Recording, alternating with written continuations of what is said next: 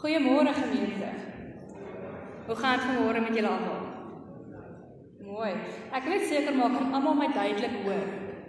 Dis vanmôre weer 'n klank iets hoor en besef daar is maar 'n paar kolle as mens te ver agter sit, netjies gesê, dan ehm um, sukkel mense om te hoor. So as jy daar agterkom jy hoor, skryf dalk net 'n bietjie vorentoe. OK.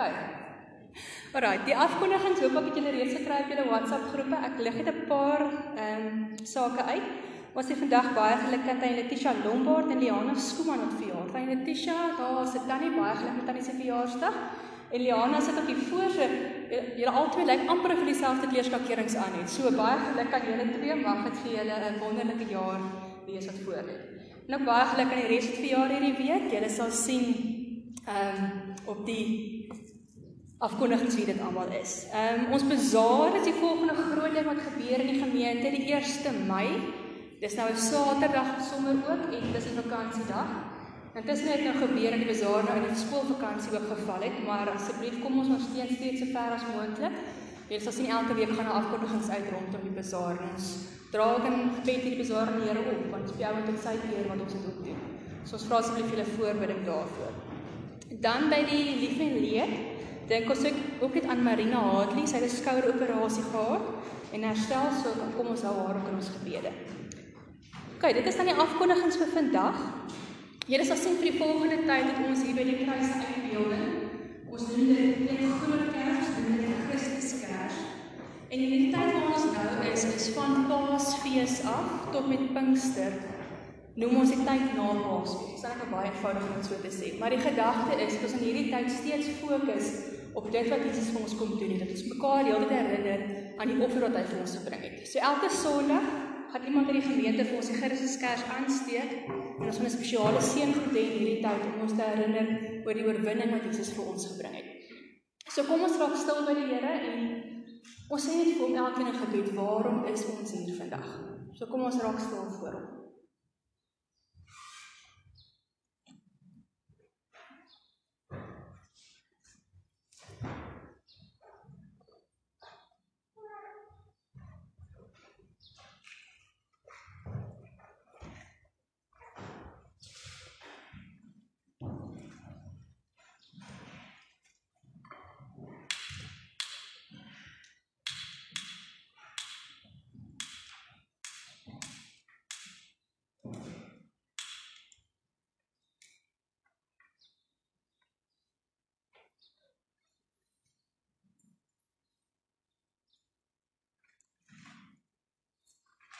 Ons steek die Christuskers aan.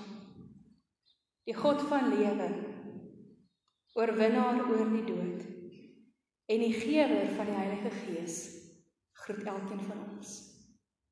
Amen. Kom ons staan en dan antwoord ons op hierdie seëngroet van die Here. Dis die Here ons weet hoe gee vir ons die lewe hoe gee vir ons die Heilige Gees om ons te help elke dag die oorwinning te leef deur die volgende lofliedere te sing. Here, U is die bron van lewe en Vader ons eer. So kom ons staan dan sing ons saam. gaan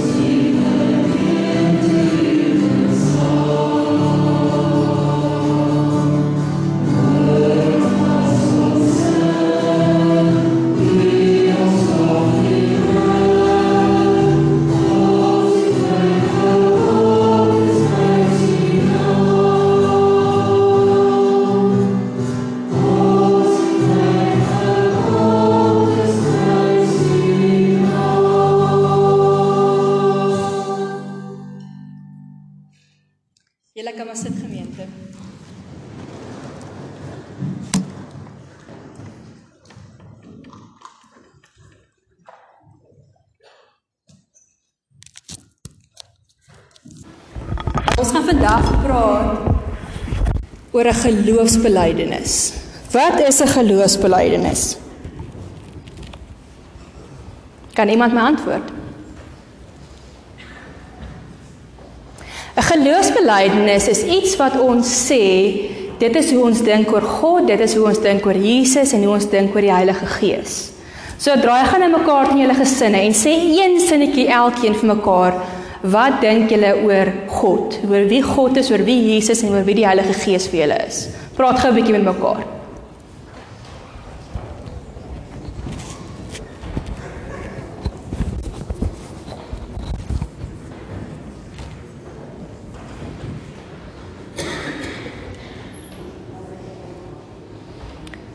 Hoe voel dit om dit te moet sê vir mekaar?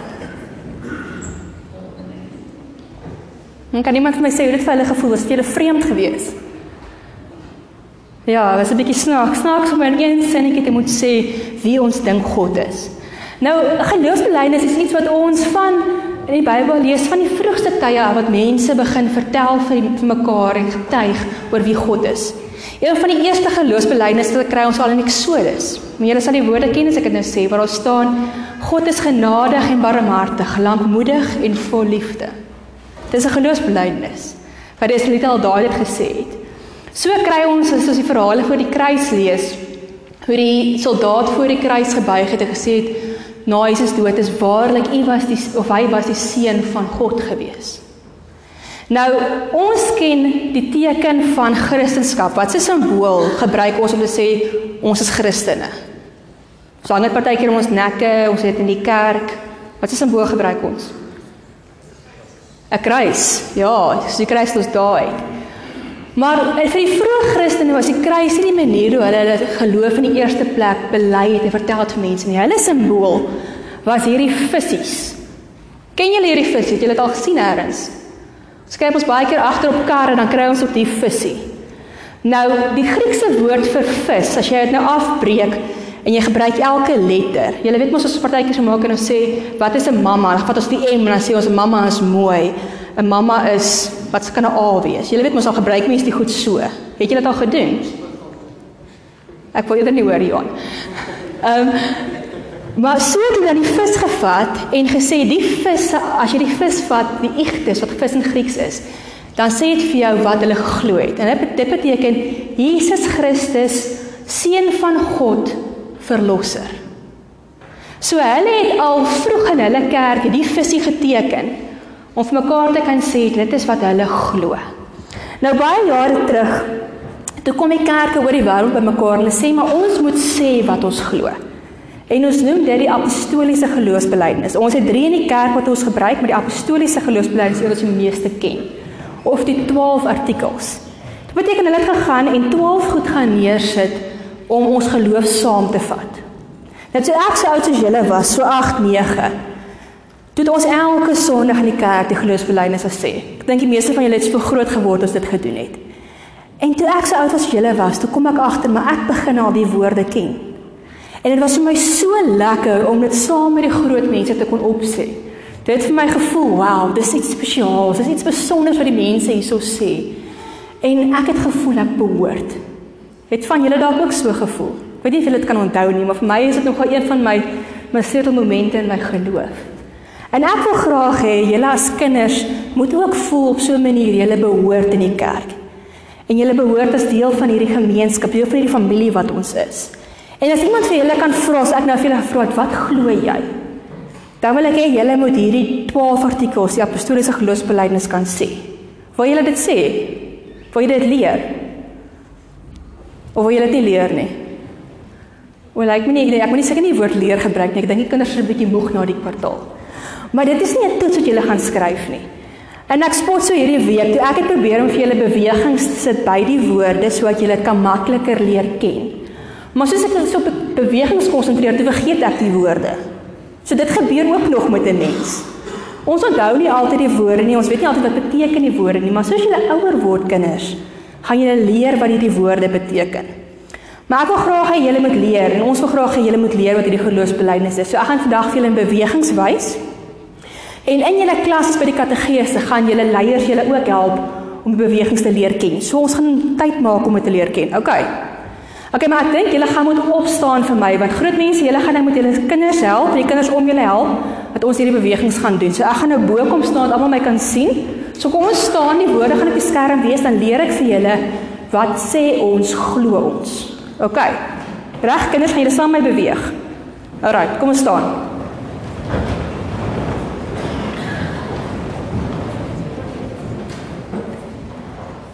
Ons begin en sê ons ek glo in God die Vader, die almagtige, die skepper van die hemel en die aarde. En in Jesus Christus, so ons wys na ons hande soos Jesus gekruisig is, sy enige gebore seun, ons Here, wat ontvang is van die Heilige Gees, gebore is uit die maagd Maria, wat gelei het onder Pontius Pilatus, gekruisig is, gesterf het en begrawe is en ter helle neergedaal het wat op die derde dag weer opgestaan het uit die dode opgevaar het na die hemel en sit aan die regterhand van God die Vader die almagtige Vader sorry dan kom die almagtige ek sê mos ek raak dit mekaar okay so die regterhand van God die almagtige Vader van waar hy sal kom om te oordeel Want eers gaan ons eendag almal moet sê wat ons reg of verkeerd geleef het. So hy oordeel die wat nog lewe en die wat reeds gesterf het. Ek glo in die Heilige Gees, dis 'n duif. Die Heilige Gees is 'n duif. So ek glo in die Heilige Gees. Ek glo aan 'n heilige algemene Christelike kerk. So sluit al die kerke op hierdie land, op hierdie wêreld in wat sê ons glo in God. Dit is wat ons hier sê. Heilige algemene Christelike kerk die gemeenskap van die heiliges soos ons almal ver as ons arms kan oopmaak die vergifnis van sondes van my sonde die opstanding van die vlees so eendag as ons dood is gaan ons almal saam met Jesus hemel toe dis wat ons sê en die ewige lewe en dan sê ons amen aan die einde so amen sê ons as ons klaar gebid het ook nê nee? So eintlik wat ons met die geloofsbelijdenis sê, is ons kom voor die Here en ons bid vir hom en ons sê vir hom, Jesus, dit is wat ons glo. God is wat ons glo. So ek wil hê julle moet dit leer en julle moet voel maar julle is deel van 'n groot groep mense wat kinders van die Here is. Reg so kinders. OK, gaan ons dit nog een keer doen voor julle uitgaan. Groot mense, ek hoop julle het nou geleer want onthou jy gaan julle kinders by die huis moet gaan help. So mamma en pappa, kyk, let op.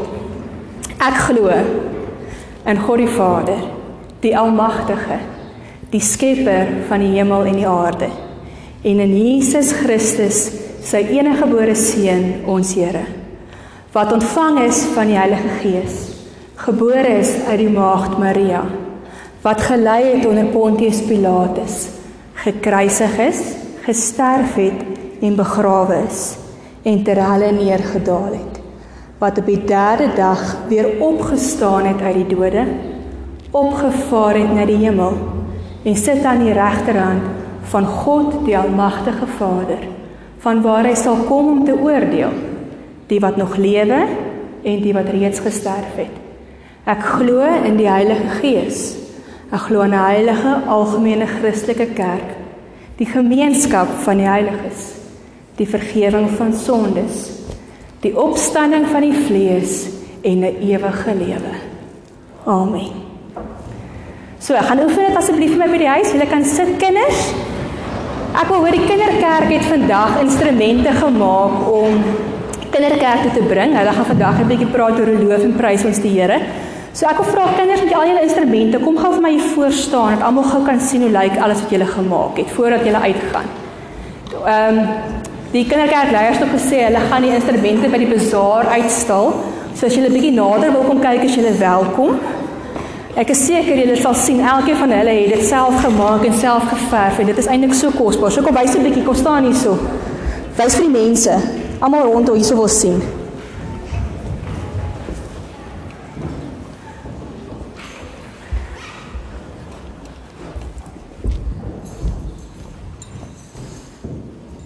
Kan maak 'n bietjie van musiek op julle instrument dat ons kan hoor hoe klink dit.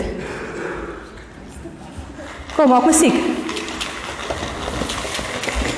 Ek voel 'n tamboerijn ook.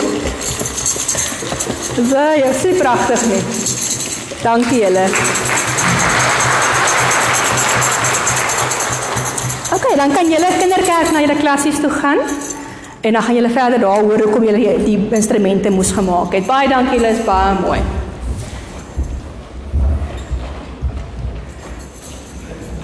So kosbaar, die eerste ding wat ons vir ons kinders moet leer is dat hulle die Here moet lief hê.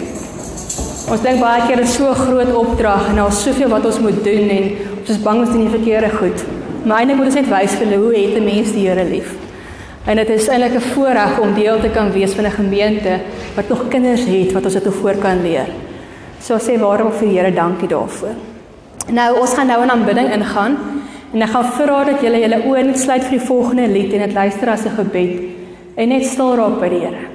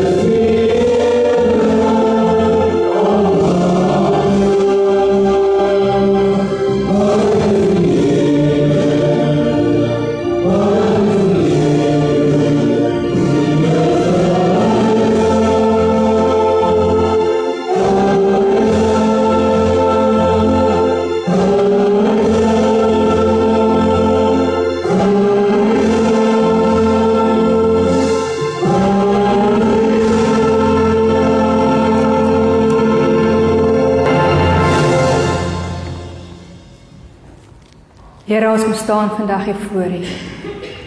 En met ons hele wese roep ons uit. U is waardig. U is heilig.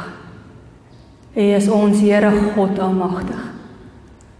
En Here, soos ons nou saam met die kinders bely op 'n eenvoudige manier en bewegings doen. Ken U ons harte, Here, en weet U dat ons elke woord bedoel. Dankie Here dat ons in U teenwoordigheid kan inkom.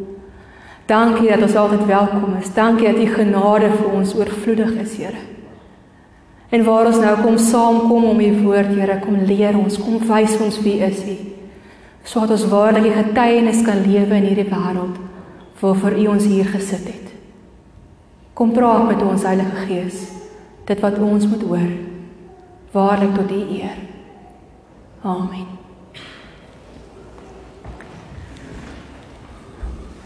Ons skriflesing vandag is uit Johannes 21. So julle is welkom julle Bybels daar oop te maak.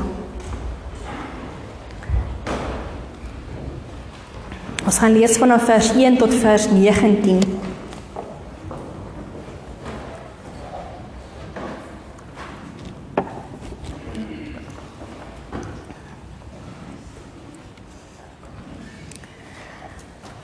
Nou so gou besonder as mens die evangelies lees, dan kom ons op 'n paar verhale af wat Jesus na sy opstanding aan mense verskyn het.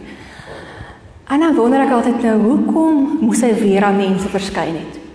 Het hy nie 3 jaar van sy bediening soveel reeds gedoen om vir almal te vertel van wie hy is en wat sy koninkryk beteken nie? En hy het verseker. Maar soveel keer lees ons ook in die evangelies dat die mense gesukkel het om dit te verstaan. En ek dink Jesus het teruggekom om net weer 'n keer vir hulle te bevestig wat hy vir hulle geleer het. Vanmôre se verhaal wat ons gaan lees is ook so 'n verhaal. Een wat julle waarskynlik baie goed ken, maar 'n besonderse verhaal van genade. So kom ons lees saam. Johannes 21 vanaf vers 1. Daarna het Jesus weer aan sy disippels verskyn by die see van Tiberias. Dit het so gebeur. Simon Petrus en Thomas, wat ook Didimus genoem is, Nathanael van Kana in Galilea Die seuns van Zebedeus en nog twee ander disippels was daar saam. Simon Petrus sê toe vir hulle: "Ek gaan visvang." "Ons gaan ook saam met jou," sê hulle vir hom. Hulle het gegaan en in die skei geklim, maar daardie nag het hulle niks gevang nie. Toe dit al lig was, het Jesus daar op die strand gestaan. Maar die disippels het nie geweet dat dit hy is nie. Jesus vra toe vir hulle: Mense, het julle nie iets gevang om te eet nie? Nee, antwoord hulle hom. Hy sê te vir hulle: "Gooi die net aan die regterkant van die skei uit, dan sal julle iets kry." Hulle het net net net toe daar uitgegooi en vanweë die groot klomp vis kon hulle hom nie weer intrek nie.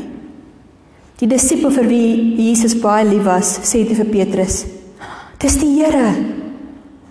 Toe Simon Petrus hoor dat dit die Here is, het hy sy hemp aangetrek want sy bolyf was skaal en in die water gespring. Hulle was nie ver van die land af nie, net omtrent 100 tree. Die ander disippels het met die skuitjie gekom en die net met die visse gesleep. Toe hulle aan land kom, sien hulle vuur brand en 'n stuk vis daarop lê. Daar was brood ook. Jesus sê toe vir hulle: "Bring van die vis wat julle nou net gevang het." Simon Petrus het toe in die skei geklim en die net op die land getrek. Dit was vol groot visse, 153. En alhoewel daar so baie was, het die net nie geskeur nie. Toe sê Jesus vir hulle: "Kom eet." Nie een van die disippels het so ver gekom om vir hom te vra: "Wie is U nie?" Hulle het geweet dat dit die Here is. Jesus kom toe, neem die brood en gee dit vir hulle en net so ook die vis. Dit was al die derde keer dat Jesus aan sy disippels verskyn het nadat hy die dood opgewek is. Toe hulle klaar geëet het, vra hy vir Simon Petrus: "Simon, seun van Johannes, het jy my baie lief, meer as hulle hier?" "Ja, Here," antwoord hy hom. "U weet dat ek u liefhet." Hy sê te vir hom: "Laat my lammers wei." Jesus vra hom 'n tweede keer. Simon, seun van Johannes, het jy my baie lief? Ja, Here, kom antwoord hy hom. U weet dat ek u liefhet. Hy sê te vir hom: Pas my skape op. Jesus vra hom toe 'n derde keer: Simon, seun van Johannes, het jy my lief? Petrus het bedroef geword omdat Jesus hom die derde keer gevra het: "Het jy my lief?" En hy antwoord hom: "Here, U weet alles. U weet dat ek U liefhet." Hy sê toe vir hom: "Laat my skape wy."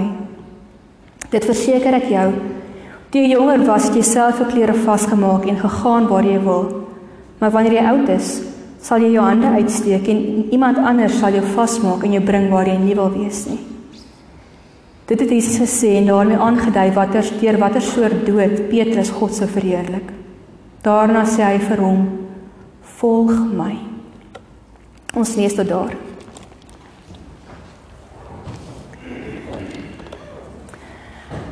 Hier so rondom by die 23ste 24ste Maart het jy dalk die nuus gehoor van 'n groot vragskip, die Evergreen, wat in die Suezkanaal gaan vassteek het. Jy het waarskynlik ook 'n hele paar spotprentjies daaroor gekry van hoe dit simboliseer hoe ons oorweldig voel baie keer in ons lewe en probeer om soos Harry diggers die grond net weg te grawe. Daai skip het gaan vassteek as gevolg van ongelooflike sterk woestynwinde wat gewaai het. Maar ook 'n menslike fout wat nie in ag geneem het dat die spoed waarteen hulle gevaar het heel moontlik te hoog was vir die kanaal nie. Met die gevolg het die skip dwars gedraai en die hele kanaal gaan blokkeer. So vir so vir 'n week lank was al die vragte wat daardeur moes gaan geblok en van hulle moes hier rondom Kaap vaar om by hulle plekke uit te kom. Hierdie arme bemanning het die spot van die wêreld geword vir die laaste 2 weke. En dit was self gesê dat hulle fout so groot was dat dit uit die hemel kon gesien word met die satelliete. Nou dink jouself in. Het jy al ooit so 'n groot fout gemaak dat jy gevoel het almal sien jou raak? Ek dink mens voel so partykeer veral op skool of as jy 'n spreker moet wees of so iets en iets gebeur en jy val of iets dan dink jy almal kyk nou vir jou. Dit voel asof die wêreld jou kan insluk, so sleg voel jy. Partykeer maak ons almal foute. Eintlik elke dag maak ons almal foute. Partykeer is dit groot foute. Partykeer is ons skaam oor ons foute en ons weet nie wat om te doen nie. En dit voel vir ons of die wêreld vir ons lag. Nou nie een van ons het 'n fout gemaak soos hierdie bemanning van die Evergreen nie. Niemand van ons het so fout kon werklik al uit die hemelruim gesien geword het nie. Maar ons weet van een ander persoon wat wel so groot fout gemaak het. Simon Petrus. Sy fout was selfs groter as die van die bemanning van die Evergreen, want oor 'n paar maande het almal al vergeet van die skip wat daar vasgekeer was in die Suezkanaal. Maar van Simon Petrus se fout lees ons meer as 2000 jaar later steeds van in die Bybel. Die hele wêreld, deur geslagte heen, hoor van sy fout. Die grootste fout wat ons eintlik van weet. En vandag se verhaal wat ons gelees het, vertel die nagevolge van hierdie fout wat Petrus gemaak het. Die fout toe hy Jesus verloon het net voor die stuk kruisiging deur drie keer te sê ek ken nie daardie man nie.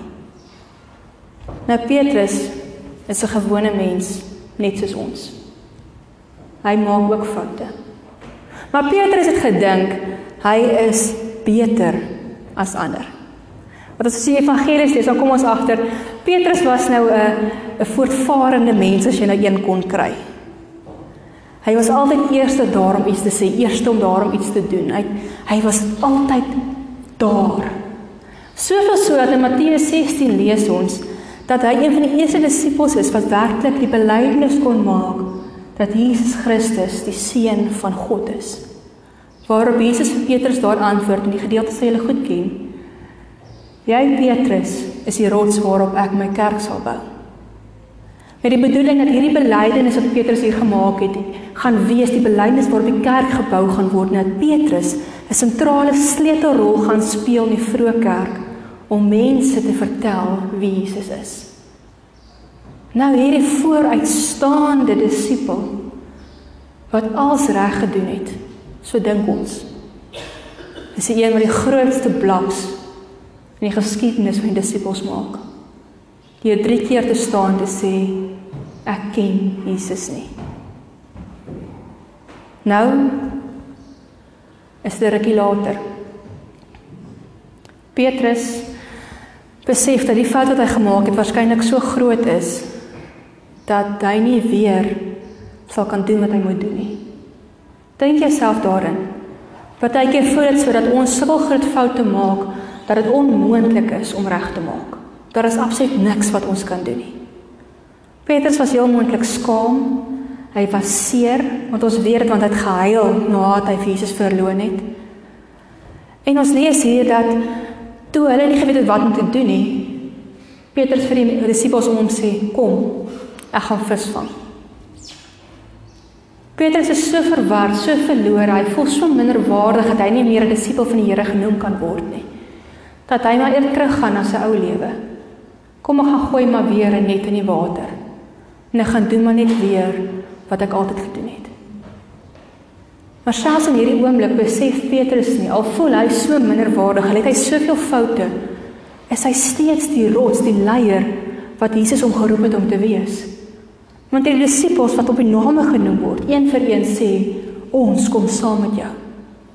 Ten spyte van sy fout, gaan die disippels agter hom aan. Net omdat ons foute maak, beteken nie God is klaar met ons nie. En so sien ons hierdie verhaal wat afspeel op die see van Tiberias. Nou, dit behoort vir julle bekend te klink want dit is amper woord vir woord presies dieselfde as die dag toe Petrus hulle geroep is in Lukas 5 as die eerste disippels. Hulle was daar ook op die see van Tiberias. Hulle was daar ook besig om heel nag vis te vang, hulle nette uit te gooi. En weer 'n keer het hulle niks gevang nie. In Lukas 5 lees ons ook hoe daar 'n man kom wat hulle nie ken nie. Op die strand staan en hulle vra mense, "Het julle iets gevang nie?" En hulle wat moedeloos antwoord sê nee, niks. En hierdie man wat hulle sê gooi julle nette aan die ander kant uit. En hulle net het so vol vis geword, hulle het eintlik nie kon hanteer nie. So gebeur hierdie selfde storie weer hier in Johannes 21. Nou Petrus se reaksie in Lukas 5 met sy eerste roeping Toe hy besef wat daar gebeur, toe sê hy vir die Here: "Here, gaan weg van my want ek is 'n sondige mens." En net daarna reageer die Here en hy sê vir hom: "Petrus, in spite daarvan, roep ek jou om 'n visser vir mense te word." Dis deel van hoekom ons in die vroeë Christene die vis simbool gehad het, want dit die roeping, die opdrag wat ons as kerk het uitgebeeld. Petrus, ten spite van jou sonde, roep ek jou om my te volg en 'n visser van mense te word. Nou 3 jaar later. Dis net baie gebeur. Petrus het geleer hoe om 'n volgeling van Jesus te wees. Hy het gesien hoe Jesus gekruisig, maar hy het ook al beleef hoe Jesus opgestaan het. Maar Petrus is terug in dieselfde bootjie en dit nie 'n erger bootjie as 3 jaar terug nie. Want sy sonde en sy fout wat hy gemaak het, voel vir hom soveel groter, soveel erger as wat was toe hy daai tyd eintlik nie eens geweet het wat hy moet doen nie. Ek dink aan sy hart wou net gesê het Here bly weg van my af, soveel te meer want ek is 'n sondige mens. Maar kyk wat doen hy. Die oomblik toe hy erken dat dit Jesus is wat daar op die strand staan, toe trek hy sy hemp aan. Nou dis glad nie ongewoon geweest vir vissermanne om net in hulle in hulle broeke vis te vang nie want dit was water en vuil en jy weet mos nou maar hoe dit gaan. Maar Petrus trek sy hemp aan uit eerbied vir die Here. Want jy het nie half kaal vir 'n mens gestaan waarvoor jy respek gehad het nie. So ten spyte van sy fout het Petrus nog steeds ongelooflike respek vir die Here. Hy trek sy hemp aan en sy eerste reaksie is om in die water te spring, tipiese Petrus ding, en na Jesus toe te swem omtrent 100 meter ver. Petrus het nie vergeet wie hy is nie. Maar hy het ook nie toegelaat dat sy fout, maakie saak hoe groot was, hoe seer hy gehad het, gekeer het dat hy weer na die Here toe gegaan het nie. En daar kom hy op die strand aan.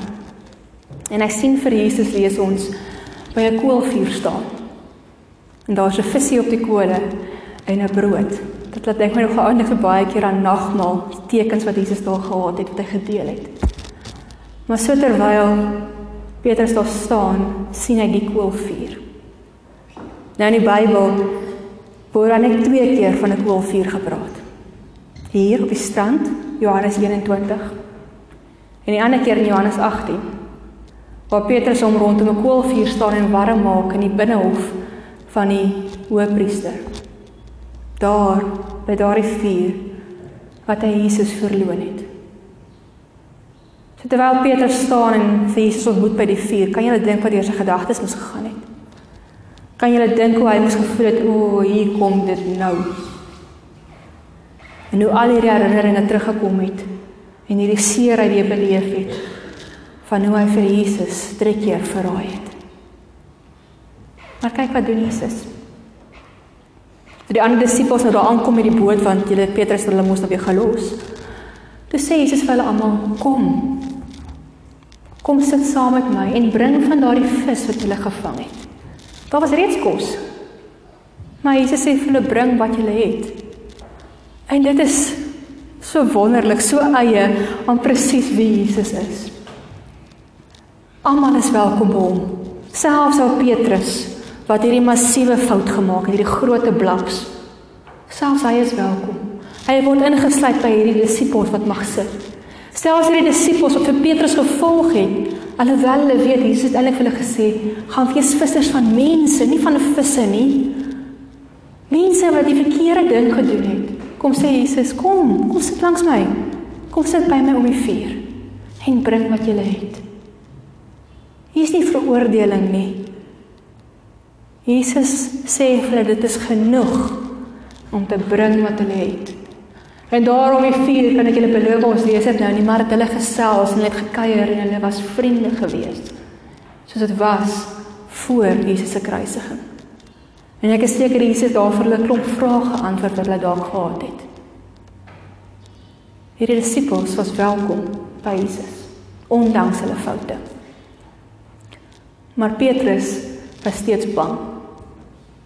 Petrus het steeds gedink hy is nie die moeite werd om deel van hierdie disipelkring te wees. Hy het steeds gedink dis nie hy is nie meer die moeite werd om die rots te wees en die sleutelfiguur in die kerk soos die Here hom geroep het om te wees nie. Daarom is die volgende gedeelte. Hoe na die ontbyt Jesus vir Petrus vra drie keer. Petrus, Simon Petrus, seun van Johannes, het jy my baie lief? Drie keer. Besonder so hierdie gedeelte geskryf is. Nou in Grieks jy seker al 'n troue erns gehoor, is daar verskillende maniere om om liefde weer te gee. Die een is om te sê agape, wat beteken is 'n goddelike liefde. Dis 'n onvoorwaardelike liefde. En as hierdie vraag wat Jesus aan Petrus stel die eerste twee keer. Jesus vra vir Petrus en is te ware Petrus, seun van Johannes, het jy my onvoorwaardelik met alles wat jy is lief? Maar Petrus antwoord die Here altyd op die eerste twee vrae en hy sê vir hom Here, U weet dat ek U liefhet. Maar daardie liefde gebruik hy die woord philo, vriendskapsliefde.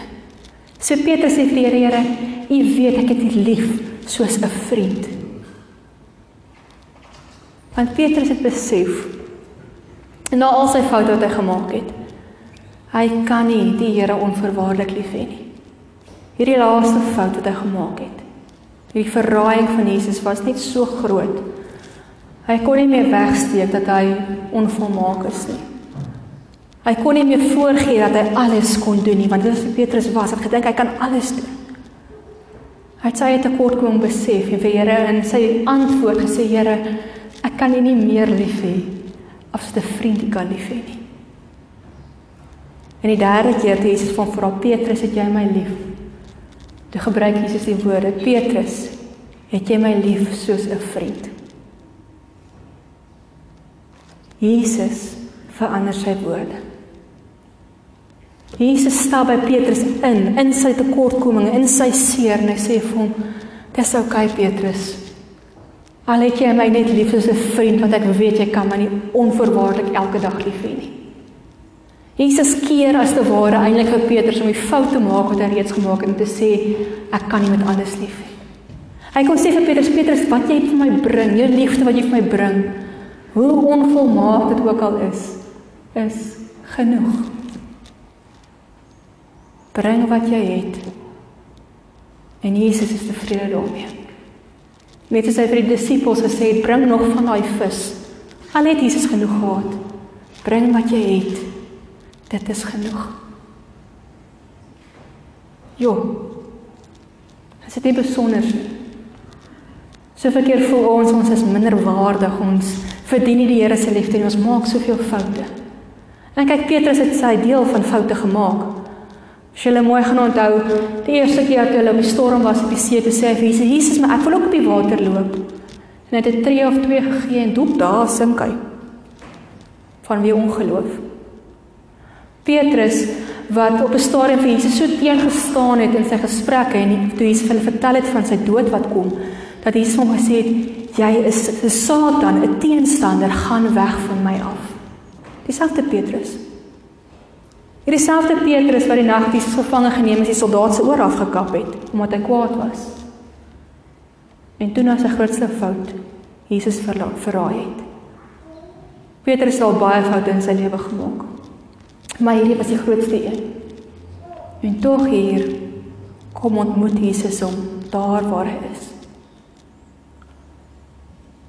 En drie keer as reaksie Op Petrus wat die Here antwoord: "Here, U weet ek het U lief."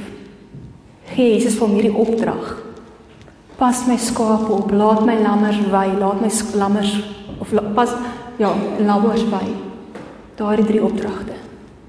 Hoekom? Want Jesus kom sê vir Petrus: "Ten spyte van jou tekortkoming, wil ek jou nog gebruik." Net soos die eerste keer by die see toe ek jou geroep het jy gesê het Here, ek is 'n sondige mens, gaan weg van my af.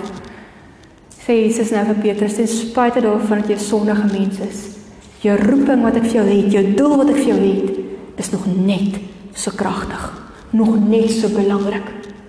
Van die kerk bestaan nie perfekte mense nie. Die kerk bestaan uit stikkende mense wat God optel en ons 'n doel gee. Maar Petrus het steeds seer gehad. Ons lees hierso dat Petrus die derde keer toe hom vra, hy bedroef geraak het. Hy het seer gehad. Want jy weet mos as ons 'n fout maak en iemand wys vir ons op die fout, is dit in eerste plek nooit lekker om te hoor nie. Niemand van ons hou daarvan nie. En hier kom Jesus en hy vra vir Petrus 3 keer dieselfde ding. Hoekom? Want elke keer as Petrus behoor, dan raak sy seer al hoe meer en meer en meer. Hy raak al hoe rouer en rouer en rouer en hy wond begin bloei. So waarom doen Jesus dit? Jesus vra dit sodat Petrus gesond kan word. Ons moet partykeer eintlik elke keer wanneer ons sondig stikkend en seer voor die Here staan om gesond te kan word. Daar is iets daar om voor God te moet gaan staan en sê Here, ek het seer oor wat ek gedoen het. Ek wou dit nie gedoen het nie, maar ek kom myself nie keer nie, want dit is wat sonde doen aan ons. En Petrus moes hierdie seer beleef sodat God hom kan herstel. Die mense dalk in die mediese wêreld is of julle sal dalk almal die gesegde al gehoor het, maar wond moet bloei om die vuil uit te kry. Dit werk so met ons sonde en ons seer in ons lewens ook. Ons moet bereid wees om na God te gaan dat hy vir ons dat hy ons kan bloei, dat ons die seer kan uitkry sodat hy ons kan genees. As ons dit nie doen nie, gaan ons nooit die lewe kan lei wat God vir ons wil gee nie. As Jesus vir Petrus gelos het daar waar hy is, in sy skaamte en sy skande en sy seer met hierdie swaard wat oor sy kop hang, dat hy niks ooit gereg doen nie. Dan sou Petrus nooit die passie gehad het om sy bood om die boodskap van die Here te verkondig soos hy het nie. Want hy het altyd gevoel het hy is dit nie werd nie. Jesus kom krap. Hy kom breek hy wond oop sodat Petrus kan gesond word en die swaard kan wegkom en hy kan gaan doen wat hy moet doen. En daarom sê Jesus op drie keer hierdie opdrag oor die lammers en die skape. Want hy bevestig dat Petrus die herder moet word van die gemeente. 'n visser van mense en 'n herder is presies dieselfde gedagte. Jesus kom bevestig, herbevestig aan Petrus, ek wil nog steeds sê jy moet doen wat ek jou geroep het om te doen. Nou is ons vraag dalk partykeer. Maar hoe werk dit? Dit is vir ons heerlik om aan die ontvangkant te wees van hierdie genade. Kyk, niemand van ons gaan daaroor stry nie. So ons die dag nou 'n groot fout gemaak het en ons voel, hier is kyk almal nou vir my en die Here gaan my nooit vergewe nie en ons voel hierdie skaamte en hierdie skuld wat Petrus beleef het. Dan is dit wonderlik om hierdie genade te beleef wat Petrus beleef het. Dit is vir ons heerlik om te kan sê, "Dankie Here." Dankie dat U my lig maak, dat U my skoon maak, dat U my vergewe. Maar as ons so 'n bietjie dink, nou begin ons wonder. Maar is God altyd so genadig? Vergewe hy altyd so? En is dit reg dat hy altyd so vergewe? Want wat dan nou van al die ander mense wat keer op keer dieselfde foute maak? Wat van moordenaars? Wat van mense wat keer op keer van verslawing na rehabilitasiesentrum verland? Wat van iemand wat heel keer op keer hulle gesin seermaak of dit doen of dat doen? Kan God hulle ook dan nog altyd vergewe? Is is dit regverdig? Moet hulle nie eers skuld bedoen? Moet hulle nie eers betaal vir wat hulle gedoen het nie? Want dis tog ons voel. Ons voel eers wat gaan daar per punt kom, 'n perk kom, 'n lyn kom wat God sê tot hier toe en nie verder nie. Want dis ook wat ons leer in die Bybel. God is 'n God van geregtigheid. Maar nou Petrus het soveel kansse gehad. Ons het al soveel kansse gehad. Hoe werk dit nou? Is God 'n regte God van geregtigheid? Kan ons ons vertrou om hierdie seer in hierdie wêreld eendag aan te spreek? Dis die vraag waarmee hierdie stuk ons ook vaskeer ons ons vir ons vra. En deur die Bybel praat God die hele tyd van hy is 'n God van geregtigheid. Ons weet dit, selfs as ons hier sit. Daar gaan 'n dag kom wat ons voor hom gaan moet staan en gaan moet verantwoording doen vir elke daad wat ons gedoen het. Vir verkeerd en vir reg. Daai dag kom. Ons weet dit kom met die oordeel met die dag van die wederkoms. God is steeds 'n God van geregtigheid. Hy het 'n honger na geregtigheid maar hy het ook 'n honger na liefde en vergifnis. Van die begin af gee hy mense tweede en derde en vierde en honderdste kansse omdat hy mense wil help, omdat hy lief is vir mense. Hy straf, maar hy gee ook liefde en is hierdie hierdie weegskaal wat ons net met die geloofsbelijdenis ook gewys het waarmee ons sit. En daar was een punt wat God se honger na geregtigheid en sy honger na liefde en genade en verlossing mekaar ontmoet het. En dit was aan die kruis. Toe Jesus die skande, die sonde, die swaar en die straf gedra het namens Petrus, namens ons, namens elkeen wat al hoeveel foute gemaak het. Al is dit 70 maal 7 keer. Het Jesus sy straf kom dra. En in daai selfde oomblik het hy vir ons kom wys hoe lyk God se genade. En dis hoekom die Here 'n God is van nog kansse. Foute kan verander in tweede en derde en vierde en hoeveelste kans ook al. Dis wie God is. Die kruis het dit moontlik gemaak. As ons sê ons lewe 'n opstanningslewe, dit wil ons elke Sondag bely, as ons opstaan ons voete in hierdie kerk kom sit of enige ander kerk. En ons kom bely die Here het opgestaan, hy het opgestaan vir my, ek lewe deur hom dan bely ons die Here het vir ons 'n ander lewe moontlik gemaak. Hy gee vir ons nog 'n kans. Maar dit gaan vra dat ons ook eerlik voor hom moet gaan staan. Dat ons as Petrus gaan moet bereid wees om te sê Here, hier die ding vreet my. Hierdie ding is verkeerd in my lewe. Hierdie ding bring afstand tussen my en U. Hierdie ding is seer. Ons gaan moet toelaat dat God in ons gewete en die Heilige Gees ons praat En nie altyd sê nee, nie nou nie, nie nou nie, dis nie so erg nie. Ons doen dit mos. Die gewete word mos so eenkant toe gestoot. Want ons hou nie daarvan nie. Ons hou nie daarvan die Here ons konfronteer met ons foute, met ons geraamtes in ons kaste nie. Ons sluit hulle liewer toe en sorg dat die slot goed slot goed gedraai is eerder as wat ons toelaat dat die Here te naby aan ons kom. Want ons hou nie van 'n wond wat bloei nie. Maar as ons die genade wil beleef wat Petrus hier beleef het,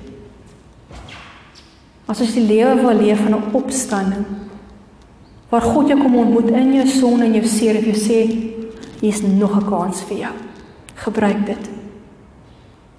Dan moet ons leer om so oop en bloot en eerlik en weerloos ook voor die Here te wees.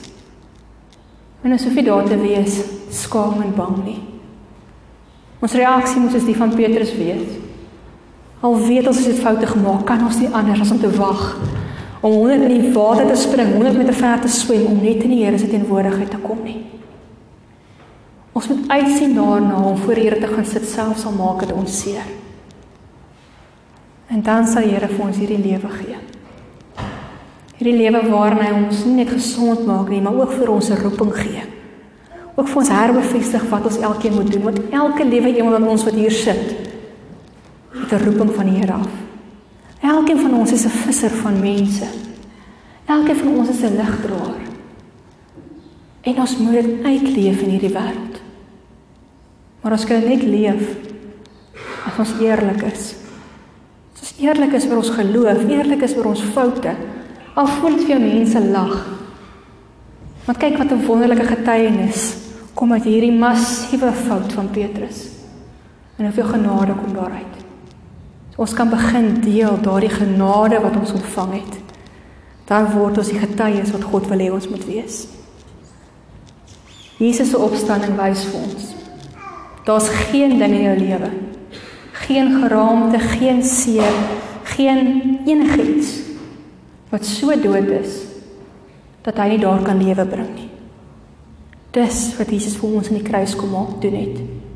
Deur die kruis is so 'n lewe vir elkeen van ons moontlik. So vandag is ons besig met belydenis. Ons besig om te getuig wie is God vir ons? Wat het hy vir ons gedoen? Ons doen met die 12 artikels, ons doen dit net in die familie oomblik wat jy mekaar gesels het. En ons doen dit nou as ons luister. Want ons reageer vir Here en ons sê Here, ek weet dis wie U is. Of Here, ek wonder of dit is wie U is.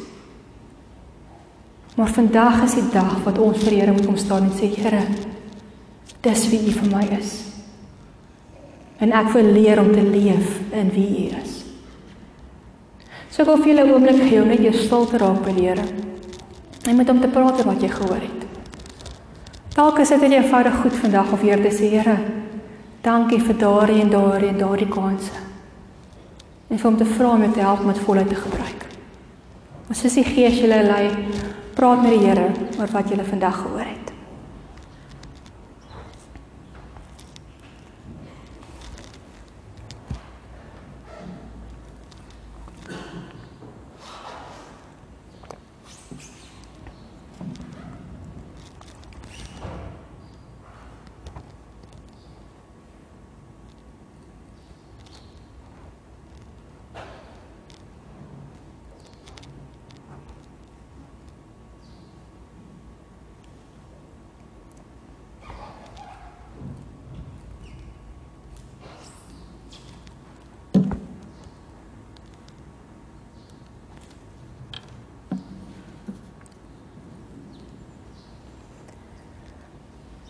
Dankie Here vir u genade.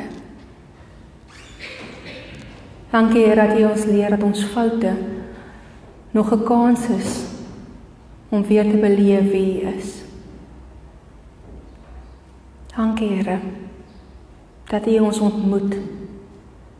Daar waar ons dit vir ons gesig in die modder lê. Ons ons om 'n vuur skaam voel omdat ons nie verraai het. Daar wat ons dikwels Here nie weet wat om verder te doen nie want ons voel nie waardig om U kind genoem te word nie. Dankie Here. Dat U genade altyd genoeg is. Meer as wat ons nodig het, meer as wat ons verdien. Dankie Here dat U ons genees. En kom help ons Heilige Gees om gesond te word van dit wat in ons lewens seer maak en bloei en rou wonde is, Here. Kom werk aan ons. Kom verander ons. Sodat ons die lewe kan leef wat U wil hê vir ons. En dankie Here dat ons weet ons op hierdie aarde nie net om nog 'n asem te wees nie. Maar ons is hier omdat U vir ons iets beplan. En dankie dat U ons foute gebruik om daardie daardie beplan, daardie roeping, Here, wat U vir ons het, 'n moontlikheid te maak. Help ons Heilige Gees om dit raak te sien. En help ons om U te volg elke dag. Help ons, Here, om U vissers te word. Ons vra dit in U naam alleen, Jesus. Amen.